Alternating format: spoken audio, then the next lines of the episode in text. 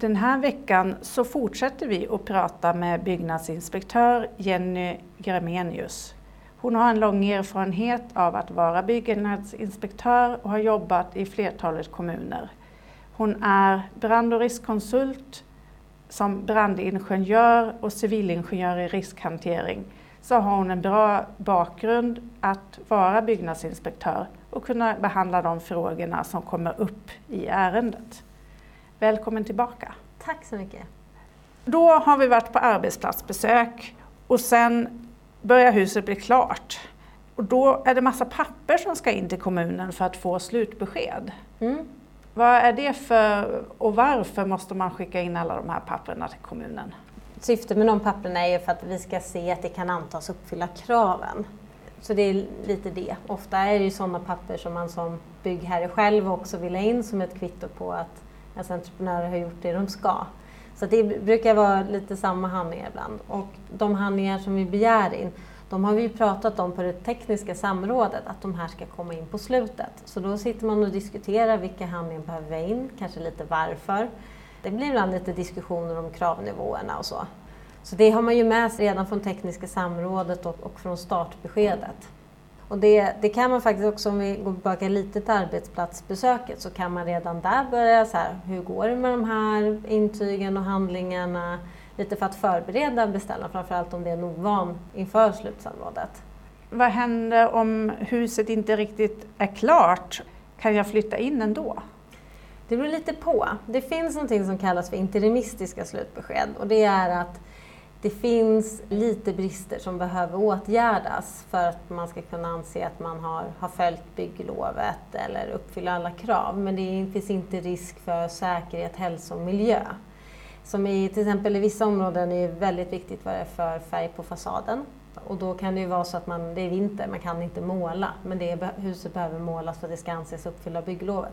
Då är det såklart att då kan man ju skriva ut ett interimistiskt så man kan flytta in och ta det i bruk. Man behöver inte stå och vänta på att det ska bli vår så man kan måla fasaden. Det kan ju kännas lite hårt annars.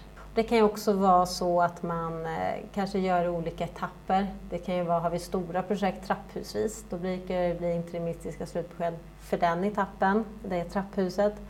Eller om man har byggt själv i två våningar men bara hunnit göra klart en våning. Då kan man också ta ut ett, ett interimistiskt slutbesked på just det planet. Men man får inte ta det andra planet i bruk till exempel. Då. Och då brukar det vara det övre planet för det måste ju finnas så att man kan tvätta och laga mat och sådär. Alla de här basfunktionerna måste finnas till exempel i ett hus. Just det. Men om mitt kök är lite försenat men jag har en diskbänk och jag har en spis. Får jag flytta in då ändå eller måste hela köket vara färdigbyggt?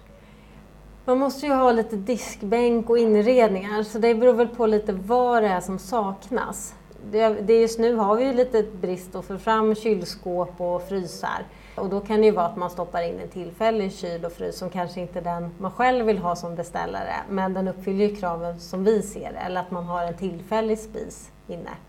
Så det, det, får man ta lite med, med, sin inspektör på plats och gärna förvarna om det då innan slutsamrådet om det är så att man inte att det är saker som man faktiskt inte har fått levererade på grund av att det är brist.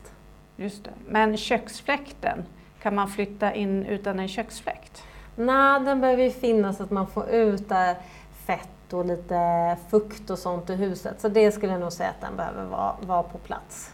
Och den är lite kopplad till OVK också. Mm ventilationskontrollen som man ska göra. Mm. Och där kan det ju vara så att man inte kan nöja sig med en luftflödesprotokoll, att man ser att det finns rätt liksom, värden. Eh, men man kanske inte har kunnat göra den stora OVK utan den gör man sen inför det slutgiltiga slutbeskedet.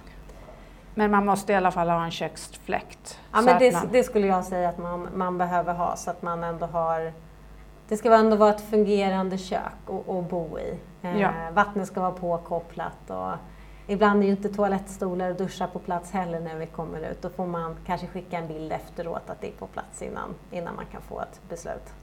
Just det. Men om man har flera våtrum, en dusch och toalett och så har man ett badrum också. Mm. Räcker det att det ena är klart då innan man får flytta in? Om det är problem med leveranser och så? Ja, eller? då räcker det liksom, för då, så länge den funktionen finns i sitt hus, om det nu är att man har byggt sitt egna hus, så, så länge liksom basfunktionerna finns. Sen att kanske övre våningen inte är klar eller ja. att det badrummet inte är klart, så, så hård är vi inte. Nej. skulle jag inte vilja påstå.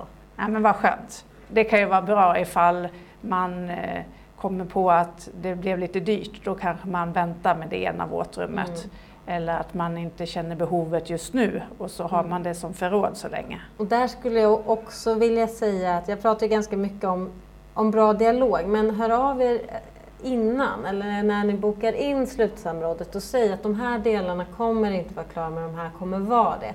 För då kommer inspektören vara lite mer förberedd när ni kommer ut. Inspektören kan också säga att nej men så lite som du har tänkt färdigställa, det är för lite. Det är faktiskt ingen idé att vi har ett slutsamråd för det, det, det är för lite som kommer vara klart. Så att man inte har ett möte heller i onödan. Och då kan man också diskutera lite vilka handlingar som, som faktiskt behöver vara framme. Så, så ta, ta kontakt med, med er inspektör och, och fråga vad, vad är minimum liksom för att jag ska kunna flytta in och kanske lite vad, vad det är det beror på och sådär. Men hur mycket av marken runt omkring huset måste vara klart? För pengarna tog slut nu så jag har inte råd att göra i ordning min tomt. Är det ju många som hamnar mm. i den situationen. Hur mycket runt omkring måste vara klart för att jag ska kunna flytta in i mitt hus? Om man bygger helt nytt så finns det oftast inbakat i det ett marklov för att man ska ha vissa marknivåer. Och då finns det ett lov på det och då kan ju inte marknivåerna skilja för mycket från, från lovet för då har man ju inte följt det lovet man har fått. Så det är väl en sak att, att liksom beakta. Och sen kan det ju vara till exempel att om man är inom detaljplanelagt område så får man ju då brukar man i de flesta kommuner få höja marken plus minus en halv meter. Och då kanske man inte kan ha lämnat kvar en jordhög på fyra meter bakom huset för då ses ju det som en markförändring. Då måste man få bort den där jordhögen eller om tanken är att den ska spridas ut, ut på tomten. Sen brukar vi också titta lite då på när det inte är klart på säkerhet, säkerhet vid användning på tomt. Det får inte finnas risk för att man kan ramla ner eller slå sig eller råka gå ner i någon, någon brunn eller sådär. Så att det, det, är lite saker att, att, tänka på om man inte är, gör det helt klart innan man vill flytta in. Som kanske kan komma lite att, ja just oj då, måste man, det här behövde man också titta på eller säkra upp. Som man inte tänker på när man, om det är första gången man bygger. Så ta kontakt innan och förbered inspektören lite så tror jag det blir ett smidigare slutsamråd. Okej. Okay. Men hur långt innan jag vill flytta in i mitt hus behöver jag ha ett slutsamråd?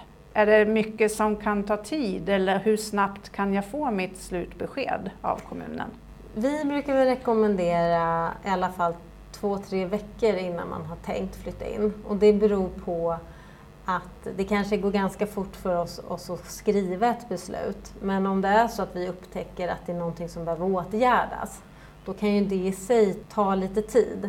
Så då brukar vi ändå rekommendera det för att det ska finnas tid för oss att personer frågar åtgärder här, men också sen för att vi ska hinna hantera det. För att ibland har ju vi väldigt mycket, vi har ju ganska höga toppar ibland med arbeten inför jul, midsommar, semestrar, då många vill flytta in. Och då tar det lite längre tid för oss också att hantera besluten även om vi gör det så snabbt som möjligt. Så vi brukar väl ändå rekommendera två, tre veckor så behöver man inte ha en stress själv. Det är inte rekommenderat, som, som någon gång har det väl stått en flyttbil utanför när vi är på plats. Då kan det bli väldigt stressigt om det är så att man faktiskt inte kan ge ett slutbesked och det är ju så att man får inte ta det i bruk förrän man har fått det skriftliga slutbeskedet eller det interimistiska slutbeskedet. Just det. Och då, då kan man inte ha ett slutbesked ena dagen och räkna med att man kan få flytta in nästa dag ifall inte inspektören har tid att skriva ut.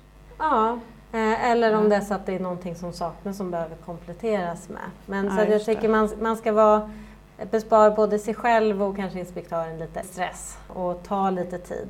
Just det. Men finns det som det finns när bygglovet, då har ju kommunen tio veckor på sig att lämna ett bygglov eller ett mm. bygglovsbesked. Men finns det även sådana tidsramar för interimistiska slutbesked och slut papper och sånt? Inget, inget som är liksom skrivet eller bestämt, utan, men det står i lagen att vi ska hantera ett ärende så skyndsamt som möjligt. Just det. Sen har vi alla olika åsikter om vad som är en skyndsam hantering. Att det kan bero lite på storlek på ärende och lite arbetsmängd och så. Men eh, man får ja. väl titta på vad man själv kanske har tyckt var en skälig tid om man hade varit i, i motsvarande sits. Just det, så ett par dagar eller tre dagar är ett minimum i alla fall att man från det att allting ja. är klart. Och jag skulle säga om man räknar med en så tajt tidslinje då ska man nog höra av sig till sin inspektör och förklara hur läget ligger och se om man kan förbereda någonting extra eller ja, för, att, för att det ska bli möjligt också kanske lite förbereda byggnadsinspektören och se om den, den kanske har möjlighet att skyffla om lite i sitt schema. Men då måste man ju få veta det i god tid innan. Så återigen, jag tycker det mesta brukar lösa sig för man har, har en bra dialog och förvarnar och säger till. Och det kan ju också vara så att man för att nej men det går inte, då kanske man också, om man har så tajt tidslinje, man får räkna med ibland att att det går faktiskt inte att få fram beslut på så kort tid. Just det. Så man får vara lite respektfull också mot byggnadsinspektörens arbetsbelastning. Ja, men det uppskattar vi. Vad bra. Tack så hemskt mycket Jenny för att du har medverkat i podcasten Fråga Byggkonsulten. Tack så mycket. Det här var sista avsnittet i min intervjuserie med byggnadsinspektör Jenny Gramenius. Jag hoppas att du har fått med dig lite kunskap om vad en byggnadsinspektör gör, vad dens roll är och vad ditt ansvar som beställare är i hela byggprocessen. Från det du tar kontakt med byggnadsinspektören inför ditt tekniska samråd tills du ska få slutbesked för ditt projekt. I nästa avsnitt kommer hon dela med sig av några bonustips som är viktiga att tänka på för dig som beställare när du har kontakt med din byggnadsinspektör. Tyckte du om det du har hört? Tryck tumme upp och skriv en kommentar. Och dela gärna till dina vänner så att fler får ta del av min kunskap. Om du vill ha svar på en fråga, stor som liten, så gå till frågabyggkonsulten.se. Du är aldrig ensam om att fundera på något. Vi hörs snart igen och mitt namn är Eva Karlsson.